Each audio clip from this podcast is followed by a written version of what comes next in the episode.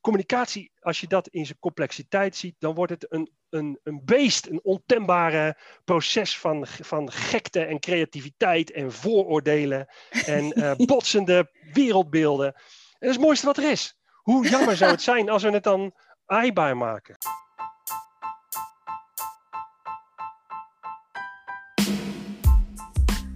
Welkom bij Getting Comfy With, de podcast voor en over communicatiemensen. Comfy in de titel is een samentrekking van communicatie en koffie. Precies wat we in onze podcast ook doen. Tijdens een kop koffie gaan we in gesprek met een communicatiemens met een goed verhaal. Van geschiedenis tot toekomstvisie, van advies tot anekdote, alles kan aan bod komen. Organisatiecommunicatie. Een term die opnieuw in de belangstelling lijkt te staan. Maar wat is het en hoe verhoudt het zich tot andere vormen van communicatie? Wie kan hier nou beter over vertellen dan Mark van Vuren, universitair hoofddocent organisatiecommunicatie aan de Universiteit Twente? Ook is hij auteur van verschillende boeken en partner bij Where We Meet. Deze hybride academicus verbindt het liefst de werelden van wetenschap en de praktijk. Hoe hij dat doet? We gaan het horen. Mark, welkom. Dankjewel. Leuk je te horen, ja, fijn dat je even tijd hebt vrijgemaakt. hey, hoe drink jij je koffie? Oh, eh, zwart. Zwart. Water en bonen. Eh, Vers gemalen bonen of maak je dat liefst wel? Ja, ja, ja, ja, ja, Heel goed, heel goed. Eens even kijken, jij bent van de organisatiecommunicatie, maar wat is dat eigenlijk? Organisatiecommunicatie is het, ehm, is het deelgebied van de communicatieveld dat zich bezighoudt met vragen hoe mensen gezamenlijk doelen bereiken. Ja. Dus weet je, dat, uh, de, dus we vragen ons af van hoe organiseren mensen zich samen en uh, hoe richten ze dan uh, organisaties, netwerken, bewegingen in? Mm -hmm. hoe doen teams dat nou samen? Wat is de plek van de mens daarin? En um, ja, als je het heel technisch bekijkt, is het een um, een tegenstelling tussen de organisatiecommunicatie en de corporate communicatie. Ja. Waarbij corporate communicatie vooral gaat over hoe de organisatie met één mond naar buiten spreekt. Ja. De, de, dus proberen om de boel zo te orchestreren dat er naar buiten toe één duidelijk beeld ontstaat met een reputatie en met uh, mm-hmm. nou, uh, allerlei uh, beelden die dat oproept bij de buitenwacht. Mm-hmm. En dan organisatiecommunicatie is de vraag hoe je dat dan achter de voordeur organiseert hoe je al die verschillende stemmen zo kunt um, bedienen en laten spreken, dat daar uiteindelijk een eenduidig beeld uitkomt. Als je dat dan al wil. Ja, ja. Ja, want dat, dat wil je toch? Nou, ja, als je uitgaat van het organisatiebelang, wel ja. Ja. Als je ervan uitgaat dat de organisatie het belangrijkste is en de reputatie daarvan het belangrijkste is, ja, dan wil je met, dat er met één stem gesproken wordt. Ja. Als de organisatie maar gewoon een middel is dat je gebruikt om een bepaald ander doel te bereiken, mm-hmm. ja, dan kan het zijn dat juist de tegenspraak binnen een organisatie, of de ene keer dit en de andere keer dat, een betere manier zijn om die doelen te bereiken dan dat de, de, de kraakheldere uh, reputatie van een organisatie uh, een bepaalde vorm aanneemt. Oké, okay. en hoe, heb je daar een voorbeeld van? nou, ja. um, Makkelijke vraag. Nou, weet je, um, uh, een, een, tijdje terug toen, um, toen de banken uh, weer in het nieuws kwamen met, uh, met weer een of andere ophef, dan kun je je afvragen wat de rol van de Nederlandse bank daarin is. Mm-hmm. En uh, ik weet dat, die, dat als je daar vanuit een perspectief van reputatie naar zou kijken, dan is de stilte die er rond de Nederlandse bank was, pure winst. Mm-hmm. Want dan is het niet zo dat zij meegenomen worden in, het, in de, de moeilijkheid en de, het gedoe van de andere banken. Terwijl als je nagaat waar de Nederlandse bank voor is, yeah. um, uh, dan, hadden ze, dan is het eigenlijk jammer dat ze niet genoemd zijn. Dat is een gemiste kans. Mm-hmm. Want zij zouden op die, op, dat plek, op die plek moeten helpen om, um, om bezig te zijn om de, het vertrouwen in economie en de, de rol van een, een, een goede bank uh, bevorderen. En dan moet je soms gewoon vuile handen maken. Dus dan moet je juist wel uh, gezien worden. En ik noem dit voorbeeld omdat ik vind dat de Nederlandse bank dat bijvoorbeeld wel heel mooi doet. Maar ja? dus de, de, de, de vraagstelling van oeh, is de uitkomst dat wij een goede reputatie hebben? Ja. Of hebben we wel met een paar kleerscheuren een mooi doel bereikt? Mm-hmm. Uh, dat verschil, ja, dat zie ik wel. En gaat het ook niet nu steeds meer richting, uh, of meer van de reputatie af, maar moet je gewoon doen wat je zegt? um, dat sowieso. Dat sowieso. Kijk, um, sowieso is het zo dat je um, vanuit corporate gedachte dat het niet alleen maar is dat je een goede boodschap hebt, maar dat er ook gedrag achter zit. Dat is ja, duidelijk. Ja, dat bedoel ik, ja. ja. De greenwashing en dergelijke uit. Mm -hmm. Maar het spannende vanuit organisatiecommunicatie is dat het niet zo is dat je um, moet doen wat je zegt, maar dat uh, wat je zegt en wat je, dat, dat dat wordt wat je gaat doen. Dat dus de, uh, dat wat je zegt vormt je organisatie in een bepaalde manier en daardoor blijft het een continu proces, meer een, het werkwoord organiseren, hoe we daar continu mee bezig zijn, dan mm -hmm. uh, de organisatie als een soort uh, gebouw met een voordeur en een, uh, en een logo op, op de muur. En heb je, want ik heb een beetje moeite met dat concreet te zien. Mm. Want is het, dan loop je ook eigenlijk door organisatieprocessen heen. Dus wat niet per se communicatie hoeft te zijn, voor mijn gevoel. ja, dat is wel een van de mooie dingen van organisatiecommunicatie. Dat als je zo naar organisaties kijkt, uh, dat communicatie overal essentieel is. Want ja. probeer maar eens een groep te doen zonder te communiceren. Ja. Weet je, als niemand die groep als een groep benadert, ja, dan bestaat die groep gewoon niet. nee. Dus um, het, het hangt allemaal aan elkaar van wat er tussen die neuzen gebeurt. He? Tussen dus de, de neuzen, ja. Dat heb ja, ik tussen, ja, dus niet ja. tussen de oren, dat mensen een ja, idee hebben van hoe het in elkaar zit, maar juist tussen de neuzen. Dat die ruimte die mensen hebben om samen te zoeken naar um, um, hoe ze met elkaar omgaan, welke dingen ze samen doen, wat ze prioriteit geven, hoe ze hun verhaal maken en dingen framen, um, dat, dat, dat dat uiteindelijk de uitkomst bepaalt. En dan is dus ja, de, de plek van communicatie en de rol van ja. gesprekken om welk doel dan ook te bereiken. Ja, dat, probeer het maar eens zonder. Ik zou het wel eens willen zien. Ja, ja, ja, dat is een interessante vraag inderdaad, ja. Maar als je de rol van de communicatieadviseur hè, mm-hmm. ziet, waar zou je die dan plaatsen binnen een organisatie? Of, of loopt dat gewoon, het loopt allemaal zo door elkaar dan? Ja, dat klopt. Het loopt allemaal door elkaar. Dus daarom uh, zou het ook mooi zijn als communicatieprofessionals een beetje door elkaar en door anderen liepen. Ja? Um, ja, weet je, en nou heb ik echt de beste voorbeelden gezien en uh, mensen die vooral bezig zijn met het vooroordeel bevestigen. Dat is, dat, ja, weet je, de communicatieprofessional in de organisatie. Ja. Als je juist probeert om de, de, de, de, de veelkleurigheid van organisaties en van mensen en van communicatieprofessionals te zien, is het heel moeilijk om in die algemene termen te ja. praten. Ja. Um, wat, ik, wat ik zelf probeer te doen als het gaat om uh, gesprekken met, met uh, communicatieprofessionals, zoals ik dat de laatste jaren uh, probeer te zeggen, is het um, mensen helpen in het reduceren van communicatienaïviteit. Ja, dat is een hele mooie uitspraak. Wat bedoel je daarmee? Ja, ja, ja. Communicatienaïviteit is um, de gedachte dat, je, dat communicatie iets heel eenvoudigs is, want we doen het namelijk de hele dag. Mm -hmm.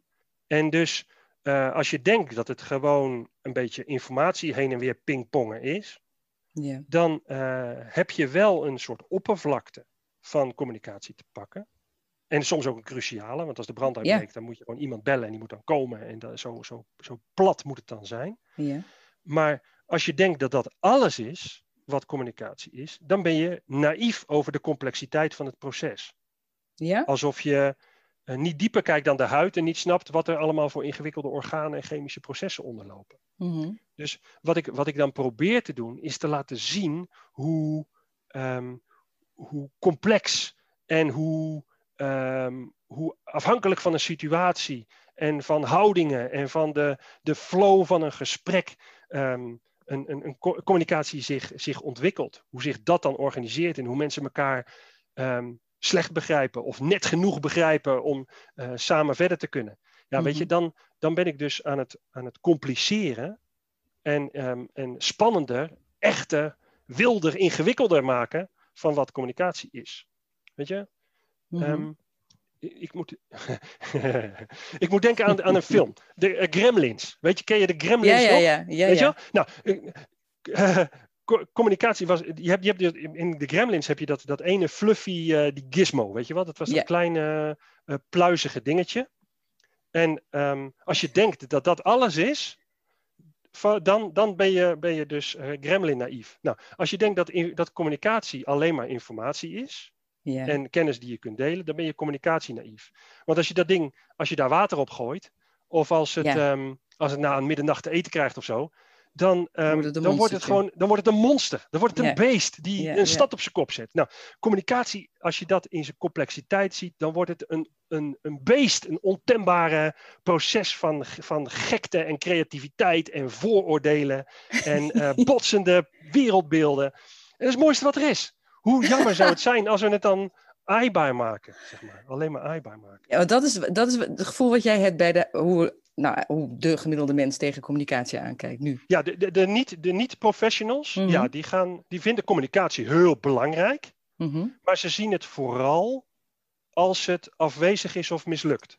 Want dan gaan ze een proces evalueren en zeggen ze, ja, het was niet goed met de communicatie. De communicatie moet beter. Ja, maar op het moment dat het lukt, op het moment dat communicatie zo mooi georganiseerd is, ja, dat mensen. Het er niet over. Nee, dan, dan is het zo transparant dat je er dwars doorheen kijkt. Ja. En, en de, de kunst is dus om communicatie te herkennen mhm. als het succesvol is. En niet alleen als het afwezig is. Want we zien heus wel waar de gaten vallen. Maar begint het dan niet bij een definitie van communicatie en dat we dat gewoon niet weten met elkaar? Wat het nou inhoudt? Ja, ja, weet je, voor mij is communicatie ehm, het, het, het onderhandelen over betekenissen door rijke symbolische interactie. Mooi. Dat zou mijn definitie zijn. En wat je dan hebt, is dat het gaat over hoe we betekenis verlenen aan een situatie. Wat zien we nu op dit bepaald moment? En dat is een soort continue onderhandeling. En die onderhandeling doen we met allerlei symbolische um, nou, handelingen. Ja. En ja, weet je, dan, dan is taal heel complex. En dan is jouw persoonlijk verhaal heel complex. En dan de, de combinatie van die dingen, dat is, een, dat is, dat is chemie. Dat is, daar, daar ontstaat iets. Dat is synergie, wat je, niet zomaar uh, terugziet. Ja. Nee, en, dan, ehm, en de kunst is dan om aan de ene kant niet communicatie naïef te zijn, mhm. maar aan de andere kant te voorkomen dat je aan complexiteitsverlamming gaat leiden. Want je kunt het ook zo complex maken dat je op een gegeven moment gewoon, ja, en nu dan? Wat moeten we dan doen? Want, ja, ja, precies. Ja. Ja, nou ja, want, want, waar begin je als, als, als bedrijf en je signaleert iets of je signaleert niets, dan moet je toch iets aan organisatiecommunicatie doen, hoor ik een beetje uit jouw verhaal. Waar begin je dan? Ja, nou, ik, zou, ik zou beginnen bij de opgave. Je moet je afvragen van nou, wat vinden we dat we hier op dit moment met elkaar moeten gaan doen? Welk verschil mhm. kunnen we maken? Maar dat is, dat is het, een hoger doel. Ja, ja oké. beginnen.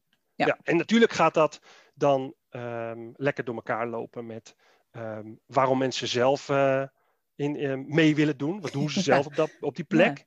Ja. En waarom werken die teams uh, zo slecht met elkaar samen? En, uh, want ja, veel van de opgaven zijn multidisciplinair. Ja. En de moeite is dan dus dat mensen, ook al zijn professionals zo intrinsiek gemotiveerd, dat ze wel een soort vooridee hebben van hoe belangrijk hun eigen discipline daarin is. Ja, en wat de plek van anderen daarin is. Dus we hebben zoveel vertaalwerk te doen. Ja. Voordat we snappen wat het perspectief van die ander is. Ja, en dat, dat kan wel toen ik dus zei dat ik communicatie naïviteit wilde uh, reduceren, um, ben ik in de val getrapt dat ik overal complexiteit wilde zien. En daardoor op een gegeven moment zo. dat, dat denk je ook op een gegeven moment, ja, nou hoor, weet je wel, dan heb je de stad vol met gremlins zitten. En ja, hoe gaan we dat beest nou temmen? Want je moet wel wat doen. Ja, precies. Maar wat moet je, dan doen? Communicatie is te belangrijk om niks te doen. Nee. Ja, dat, ja, dat is toch fantastisch? ja, maar als je niet weet waar je beginnen moet, dan blijf je toch een beetje hangen in, nou, misschien wel apathie. Ja, en dat is, dat is wel een risico, denk ik. En ik denk ook dat dat het verwijt is dat mensen die, uh, die uitgaan van een eenvoudig idee van communicatie zeggen, ja, maar weet je, als we over dit soort dingen gaan reflecteren, dan, dan, dan doen we nooit meer wat. Maar de kunst is volgens mij voor de echte mooie communicatieprofessional, waar ik er zelf een van probeer te zijn, hmm. is aan de ene kant om ruimte te maken voor reflectie. Dat ik de, de complexiteit durf te zien en het beest in de bek durf te kijken. Hmm. En tegelijkertijd toch die praktijk ingaan, zeg maar. Toch proberen om patronen te zien. Toch proberen om de verschillende logica's die, die door elkaar lopen in een situatie uh, scherp te krijgen. En een kompas te houden van, oké, als we die kant op gaan, dan weten we niet wat het einddoel is, maar we, gegeven de situatie waar we nu in zitten, is dit wel de volgende stap die we moeten zetten. En is dat dan een logische? Of wordt dat gedragen door, door de mensen waarmee je werkt? Want het is best wel vaag.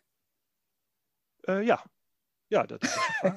ja, maar weet je, ja, maar vaag. Ik weet niet of het zo vaag is. Want op het moment dat je mensen vraagt hoe zij op dat moment naar die situatie kijken, dat ze allemaal best een verhaal hebben. De vaagheid is als je elk van die verhalen serieus moet nemen. Ja, ja. Snap dus het is meer de meerstemmigheid die samen een, een, een soort koor moeten vormen, ja. dan dat je de logica zoekt van iemand met de grootste bek die alle anderen overschreeuwt. Ja, ja. Nou, ja, waar ik een beetje mee borstel is misschien ook wel van wat is dan de plek van die communicatieafdeling, dan wel adviseur binnen een organisatie. Ja. Uh, en, en hoe, hoe, hoe nut je dat dan goed uit? Weet je, doen wij iets als communicatieprofessional, even vanuit mezelf gesproken, zitten we misschien niet op de goede plek vaak binnen een organisatie om, om dit te kunnen, in beweging te kunnen krijgen? Oh, dat, ja, dat moet ieder voor zichzelf beantwoorden, want ik weet niet precies wie allemaal op welke plekken zitten. Nee, ik weet wel dat de mensen die ik op de goede plekken zie zitten, de mensen zijn die, ehm, die ja, wat, het boekje wat, uh, wat we maakten met Ilse van Ravenstein en Maaike van der Ven, de gespreksfluisteraar. Ja. Um, weet je, dat, dat je bovengemiddeld ver, verantwoordelijkheid voelt voor de kwaliteit van de gesprekken in je organisatie. Mm -hmm. En um, als, je, als het je dus lukt om te helpen om uh, de middenweg te vinden tussen uh, de reflectie om, om, om naïviteit, naïviteit, te voorkomen. En aan de andere kant toch een weg vooruit om niet ja. verlamd te raken door de complexiteit. Ja, ja weet je, ja. dan heb je wel gewoon iets heel, heel tofs te doen. Ja, ja. En ik denk dat mensen donders goed in de gaten hebben dat ze iets moeten en dat het heel ingewikkeld is. En dat gesprek daarover starten. Um, en, en zien wat ieder in te brengen heeft. Zonder dat je dat je uh, uh, mensen uh, aan gaat vallen omdat ze niet het hele plaatje zien. Nee, precies. Ik denk dat te veel mensen bezig zijn met doen alsof ze meer weten dan ze weten. Oh ja, leg eens uit. Nou ja, weet je, ik heb een studie gemaakt naar, inter, naar interdisciplinaire teams. Mhm. En um, uh, dus dan is er een multidisciplinair probleem en dan komen er allerlei professies bij elkaar en zo. Mhm. En die gaan aan de tafel zitten. En wat er dan gebeurt is dat iedereen net doet alsof ze het heus allemaal wel in de, in de hebben. Ja, ja. En, en terwijl, hey, het probleem is multidisciplinair. Het is gewoon ondenkbaar dat jij alles snapt. Ja. Dus ehm, doe niet alsof. Want daar is het probleem niet mee geholpen en jij ook niet, want er is veel meer te leren als je zegt: Dit snap ik wel en hier heb ik Ja. jullie bij nodig. Maar het is ook Ja? interessant om te kijken waarom iemand dat niet durft te zeggen. Nou ja, heeft er met een paar dingen te maken volgens mij. Want kijk, het is best wel een kwetsbare positie als je niet Ja. alles weet. Ja. Dus de, de gedachte dat jij daar dan als professional zit.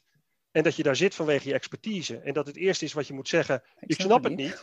Ja, Ja, dus, ja, maar dat is natuurlijk niet leuk. Ja, ja, ja, ja. En hoe je daar dan doorheen komt. En dat je, dat je bereid bent om te zeggen van... hé, hey, ik snap het. Ik heb het overzicht niet. Maar ehm, ja, dat is de eerste spannende al. Want dan kun je makkelijk zeggen... ja, nee, natuurlijk snap jij het niet. Want jij bent van die en die afdeling. Dus Ja. ja, daar, we verwachten jou ook helemaal niet op dit moment. Laat ons nou maar even de stoere dingen doen. En dan kom jij later wel weer een keer. Maar ja, de, ja, de ja. gedachte dat dan ook degene met de hoogste status eigenlijk ehm, ook, het ook niet helemaal weet. Want ja, anders was het een monodisciplinair probleem. dan zat je niet bij elkaar. Precies. Ja, Nee, ja. precies. Weet Ja. je, dus alleen al de constatering dat we samen zitten, betekent dat we elkaar nodig hebben. Ja. En daar dan een eh, weg in zoeken, ja, dat is, Dat is mooi. dat is inderdaad een zoektocht. Ja, Maar ik zie de, de, fa- het faciliteren van, van communicatieprofessionals in die rol. ja, En dat met alle complexiteit. En durven zeggen dat het ingewikkeld is. En wat ze zelf wel snappen en wat ze niet snappen. En dan voor ogen houden wat het kompas is van de opdracht die er voor ze ligt. ja, en dan ja. trouw zijn op het moment dat dat een heel ingewikkeld verhaal is. Weet je, dat, dat, is, Ja. dat, is, dat is gedrag waar je op het, op, het, op het slagveld. krijgen mensen daar de militaire Willemsorde voor. Voor moed, beleid en trouw. ja. Precies. Ja, ja. En, en weet je, daar, daar horen we te zitten. En ehm, ja, weet je, en natuurlijk heb je ook de ambachtsmensen nodig. Zonder meer. Hmm. Natuurlijk heb je een- mensen die gewoon verrekte goed zijn in bepaalde communicatieve uitingen. Maar Ja. een ambacht is gebaat bij herhaling. Mhm. En de complexiteit van organisaties maakt nou dat elke situatie uniek is. Ja. En dat herhaling daarmee dus wel problematisch is. Ja, ja, ja. En dat durven aangaan. En dan toch daar professional in worden. Ja, diepe buiging. Diepe buiging. Ja, ja. Komt het wel vaker voor? Want ik, ik, ik ken eigenlijk niet zo heel veel mensen om me heen die het op deze manier aanvliegen. Nee, wat doen ze dan? Nou, ik denk dat we vaker dan ons lief is ook blijven hangen in het vervaardigen van dingen. Of het opstellen van plannen en dan, weet je, dat we daar dat we te veel ja. dingen dichttimmeren. Als ik jou zo hoor praten. Ja. Um... Dus ook niet, hoeft niet verkeerd te zijn, hè? Maar... Ja, nou weet je, ja, ja. Um, dat, dat kan, dat kan. En dan moet je je afvragen of je daarmee de organisatie nou wel het beste dient. Ja. Uh, door gehoorzaamheid te laten zien. Ja, maar dat, is, dat is het hele punt. Want dat wordt gevraagd. Nou, dat lever je dan ook. Terwijl je eigenlijk, als je verder kijkt, misschien wel wat anders ziet. Maar daar is vaak ook de ruimte niet voor binnen zo'n organisatie, omdat het je rol niet is. Nee, nee, klopt. En weet je, die, kijk, een rol. leuk.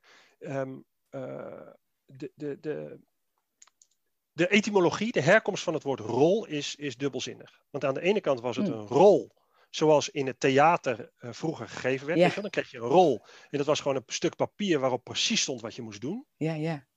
En het andere is het Latijnse woord rolare. Wat is rollen? Bewegen. Ja? En Dat is daar zit beweging in, dat ontwikkelt zich, dat wordt langzaam anders. Nou, hoe zorg je nou dat je van die rol als in het theater komt naar de rolare waarin die ontwikkelen? Nou, Precies. En dat gaat je niet in één keer lukken, dat weet ik zeker. Dus hmm.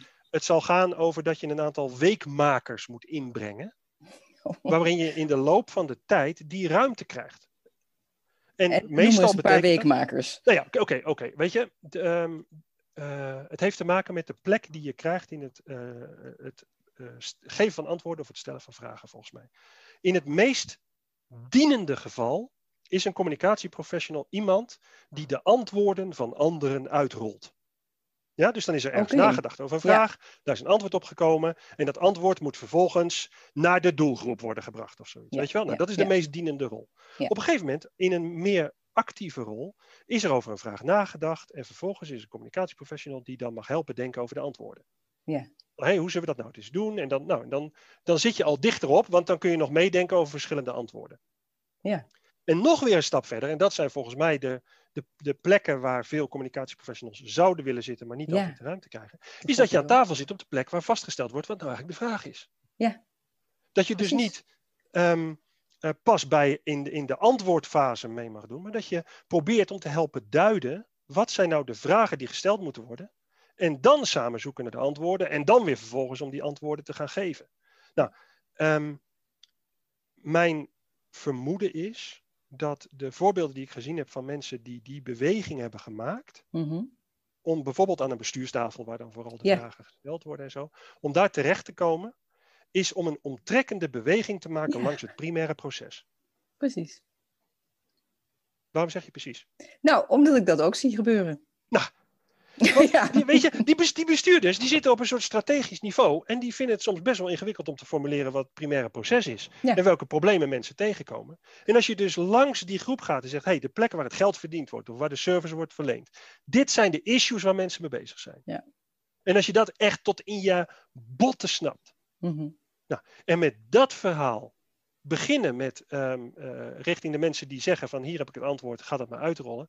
Vragen van hé hey, jongen, is dat nou eigenlijk het antwoord? Yeah, yeah, dus eerst het antwoord ter discussie stellen. Dat, als je dat goed doet, dan ontstaat de basis waardoor je gesprekspartner wordt en je op een gegeven moment ook kan helpen om de vragen opnieuw te formuleren. Ja, precies. Want ik denk dat communicatie een plek is die zowel praktijkgeoriënteerd als reflectie georiënteerd moet zijn. Ja, dat is een hele mooie. Te helpen om die vragen en die antwoorden te formuleren. Ja. Nou ja, weet je, er is geen mooier vak dan dat. Echt niet. Hoe, waar komt deze fascinatie bij jou vandaan? Want je bent zo vol vuur hierover aan het spreken. ja, um, um, ja, het is verwondering. Ja? Ik, ik, verwonder me over hoe wij samen een maatschappij inrichten en hoe we onze organisaties doen. Mm -hmm. En hoe we daar een grote klerenzooi van maken. en toch elke keer weer verder komen. Ja, precies. En dat het, ja, weet je, ik vind dat. Um, dus ik denk dat het, dat het, dat het een combinatie is van, van nieuwsgierigheid en liefde voor het object. ja, precies. Ja, ja. En, weet je, en als je er gewoon wat over leert en je wordt uitgenodigd om daarin mee te denken en die vragen te formuleren en daar boekjes over te schrijven en weet ik veel mm. allemaal te doen. Ja, weet je, dan, dan, dan sedimenteert steeds verder die, die, die fascinatie of zo. Of zoiets. Nou ja. Nee, ja, ja, ja, snap ja, wel. Ja, ja, ja. Nou, en dat is toch mooi? Dat is het, zeker. Dat doe ik. En je doet ook, of je doet, je bent partner bij Where We Meet. Ja. En daar staat dan op jullie website dat je wil samenwerken over organisatiegrenzen. Mhm. En wat bedoel je daar dan mee? Nou ja, ehm, organisaties worden behoorlijk beperkt door de grenzen die ze zichzelf opleggen. Ja. Dus of dat nou gaat over een, eh, een organisatie die uh, denkt dat zij als enige alles in huis moeten hebben om een oplossing voor een probleem te hebben. Terwijl het veel beter in een soort netwerkstructuur zou kunnen, waarbij je gewoon samen gaat werken. Ja, ja. Ehm, dan, dan zou je, moet je over die grens heen kijken. En dat is eng. En we hadden het net al over die teams met die multidisciplinaire eh, vraagstukken. Mhm. Dan moet je over de grenzen van je team heen kijken, van je discipline heen kijken. En dan moet je contact zoeken, terwijl het juist zo fijn was om gewoon eh, naar iedereen binnen. te vertellen hoe de wereld in elkaar zit. Ja, ja. En ook als een professional, waarbij je zegt van ja, ik zit binnen mijn eigen professie. En, ehm, en dat, dat, is, dat is mijn verhaal en dat is eh, mijn baantje. Ja. Ehm, nou ja, als ik iets van dat hele, hele mooi werk geleerd heb, wat ik heb gedaan, is dat, dat, dat, dat die grens ook ingewikkeld, eh, ingewikkeld is. En daarom heb ik nu twee banen. Ben ik deels bij de Ja. universiteit weggegaan, om, Hmm. ehm, omdat, omdat het voor mij te ver van de praktijk af kwam te staan. Nou, het Ja. was daar gelukkig Peter Knoers, met wie ik dan eh, een, een partner heb die, die heel veel van die praktijk weet en ook met mij reflectief wil zijn. Mhm. En zo zijn we een adviserende onderzoeker en een onderzoekende adviseur. Ja, want dat is dat hybride waar je het dan over hebt. Ja, precies. Maar dat is heel onconventioneel eigenlijk in de universitaire wereld. ja. ja. Ja, jammer genoeg wel. Ja, jammer? Ja, ja, toch wel. Want ik bedoel, de, de wetenschap is te mooi om voor jezelf te houden. Dus het soort vragen stellen en het zoeken en het ontsluiten van bronnen en proberen om dat op een Ja, mooie ja. manier te formuleren. Ja. Ja. dat gun je toch iedereen. Dus dat is Ja. jammer als je dat achter een paywall van opleidingen stopt alleen maar. En als je, dat, als je daar een instituut van inricht, dat soms best wel wat afstand van de maatschappij heeft. Dus toen ik probeerde om de ivoren toren van de wetenschap te verlaten, zeg maar, dacht ik dat ik in één keer in de praktijk stond. Maar toen bleek het nog een heel eind lopen. ja, En dat gaat allebei de kant op. Dat is de ene kant dat de universiteit in een taal praat ja die, dat eh, die, die, die soms heel ingewikkeld is. Excuus ook als ik daar zelf onderdeel van ben. Hm. En eh, tegelijkertijd dat er een, een, een praktijk is die ook de tijd niet neemt voor die reflectie. Weet je wel, ik, ik was pas Nee. weer bij een uitgever om een boek te maken over communicatie. En zei ze, ja sorry, maar communicado's kopen geen boeken. En ja, weet je, wat moet je dan? Ja. Ik bedoel, dus... ehm, ja, wat doe je dan? heb- nou ja, dan hebben we, eh, zijn er een paar mogelijkheden. Of je probeert het te koppelen aan, eh, aan bijvoorbeeld de beroepsvereniging Logeion. Mhm. Om dingen samen te doen. Ja. Zodat er een soort zekere afzet is. En ook nog een duidelijke inbedding in die communicatiepraktijk. Precies. Of je gaat een andersoortig boek maken. Mhm. ehm, of, eh, of je gaat het toch maar weer gewoon in gesprekken doen. En, eh, en mensen andere boeken aanraden die er ook al zijn. ja, precies, ja. Ja. Hey, maar eh, hoe blijf jij eigenlijk bij op je vakgebied? Want je geeft natuurlijk les en je, bent, hè, Ja. je zit daar een beetje, hangt daar een Ja. beetje boven, zeg maar. Maar jij voedt jezelf ook, neem ik aan, nog wel. Natuurlijk, ja. Wat lees je dan? Of wat luister je, voor mijn part? Ja, hoi. Ehm, nou, echt heel veel. Want ik probeer mijn onderwijs eigenlijk meer hardop denken te maken. Dus ik ben Hmm. gewoon, eh, net als onderzoeken hardop rondkijken is, is mijn onderwijs hardop nadenken. Mhm. Dus ik, ik probeer ook elke keer wel weer te kijken van nou, waar heb ik nog geen antwoord op en waar zou ik wel eens een college over willen horen? Nou, dat college ga ik geven. Oh, wat goed. Ja. Weet je wel? Dus dan ben je gewoon aan het zoeken naar antwoorden. En dan wordt het ook veel meer gesprek dan dat ik, eh, dan, dat ik een waarheid uit een emmer in al die glaasjes van studenten giet. Zeg maar. ja, ja, ja. Dus ja, ik ben eigenlijk altijd wel aan het, aan het zoeken, aan het praten. En ik vind het heerlijk om, om project te doen en daar weer zelf eh, van te leren. Hoe, Ja. eh, dus, dus ja, en een hoop lezen natuurlijk. Ja, en, eh, en, Wat moeten wij lezen? Wat moeten wij lezen op dit vakgebied, op jouw vakgebied, Oei. als communicatieprofessional? Ehm, eh, Oeh, nou, twee, twee dingen dan. Het eerste is dat je dus, als je van de eenvoudige communicatie het ingewikkelder wil maken, hè, dus de, uit die naïviteit wil komen, Ja. dan zijn er hele goede reflectieve boeken. Dus dan gaat het over Charles Taylor Bronnen van het zelf bijvoorbeeld, over wat een identiteit is. Of over ehm, eh, Viktor Frankl's eh, Man's Search for Meaning Ja, ja, over de. Hè, ehm, eh, dus dat zijn, dat zijn meer de, de reflectieve vragen. Boebers, ik en jij. Oh, fantastisch. ja. en, nou, en aan de andere kant heb je dus, als je dan in die complexiteit staat en je denkt van ja, maar hoe ga ik dat nu weer naar de praktijk brengen? Dan merk ik mhm. dat ik meer heb aan biografieën en aan romans. Oké. Want dat is de geleefde werkelijkheid van mensen, die dus met, die om, met die ingewikkeldheid moeten dealen. En dus, welke biografie heeft de meeste indruk op jou gemaakt? Zo. Uh, oh, dat is lastig hè, zo onder spot. Ja. ja. Nou ja, ik, ik vond de, de, de autobiografie van, van G.K. Chesterton heeft mij, uh, heeft mij diep geraakt. Hmm. Um, maar dat, ik, weet niet als, ik weet niet of dat het goede antwoord op jouw vraag is. Um, maar weet je, ik las vorige maand een, de, een, een biografie over, over Venetië. Hè, van oh. Hoe is dat van een moeras, een wereld, uh, een, een wereldmacht geworden? En wat was de plek van die doortjes daarin? Ja, ja. En, um, en hoe is het vervolgens uiteindelijk een soort, soort toeristisch Efteling geworden? Nou ja, weet je, daar, daar leer ik al iets van over hoe mensen zich organiseren. Maar ook verschillende romans, weet je wel. De, de mooie boeken als, als het, uh, nou ik, ik, ik, kijk even rond. Uh, Michel Faber, het boek van wonderlijke nieuwe dingen. Hmm. Um, een, een, schitterend boek over een, uh, een, een een, een dominee die naar een verre planeet wordt gebracht om daar uh, het, het, het, het, goede nieuws te brengen. En die, die komt dan in contact met, met marsmannetjes en zo. En terwijl hij probeert om met hen meer contact te hebben, gaat het contact met zijn vrouw op aarde steeds minder. Nou, als je, ah, Communicatie, hè? Heerlijk, heerlijk. Ja, ja. nou van leert hoe je je moet organiseren, weet ik niet. Maar het helpt in ieder geval wel. Nou ja, om, uh, het voedt je wel in bepaalde beelden, ja, dat geloof ik wel. Ja. Leuk. En theatersporten. Gewoon, Doe je eh, dat? Ja. Zelf? Ja, oké. Ja joh, heerlijk. Lekker Doe ook echt wedstrijden? Nee, nee, nee. Ik, ik, ik, ik doe cursus. Oké. En um, die moesten nu zelfs een tijdje online, wat wel ingewikkeld was. Maar, ja, inderdaad. Juist, je, juist jezelf met een heel klein beetje script in een improvisatie gooien. En dan gewoon oefenen, spelen. Um, ja, daar leer ik wel wat van, ja. Spelen is altijd goed. in elk opzicht, toch? Ja. Als mensen met jou in contact willen komen, hoe kan dat? Oh, oh er zijn honderd manieren voor volgens mij. Als je mij gewoon googelt, dan vind je mij op wherewemeet.nl. Mm Daar zitten Peter en ik. En ook op, via de universiteit uh, is wel een pagina. Dus daar kun je me vinden. Daar staan dan, um, dan is e-mail wel handig.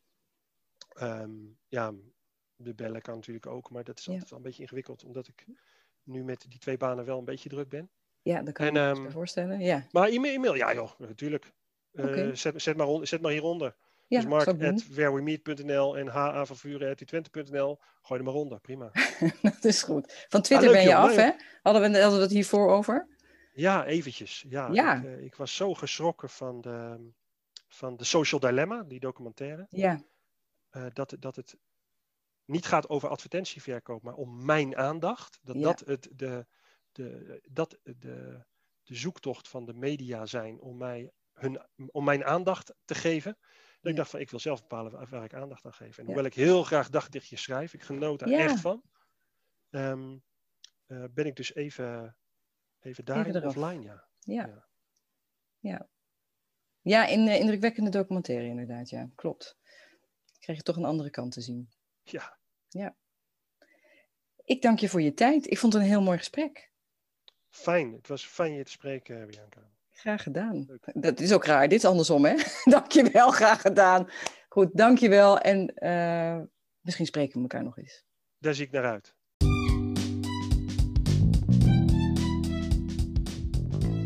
Dankjewel dat je hebt geluisterd.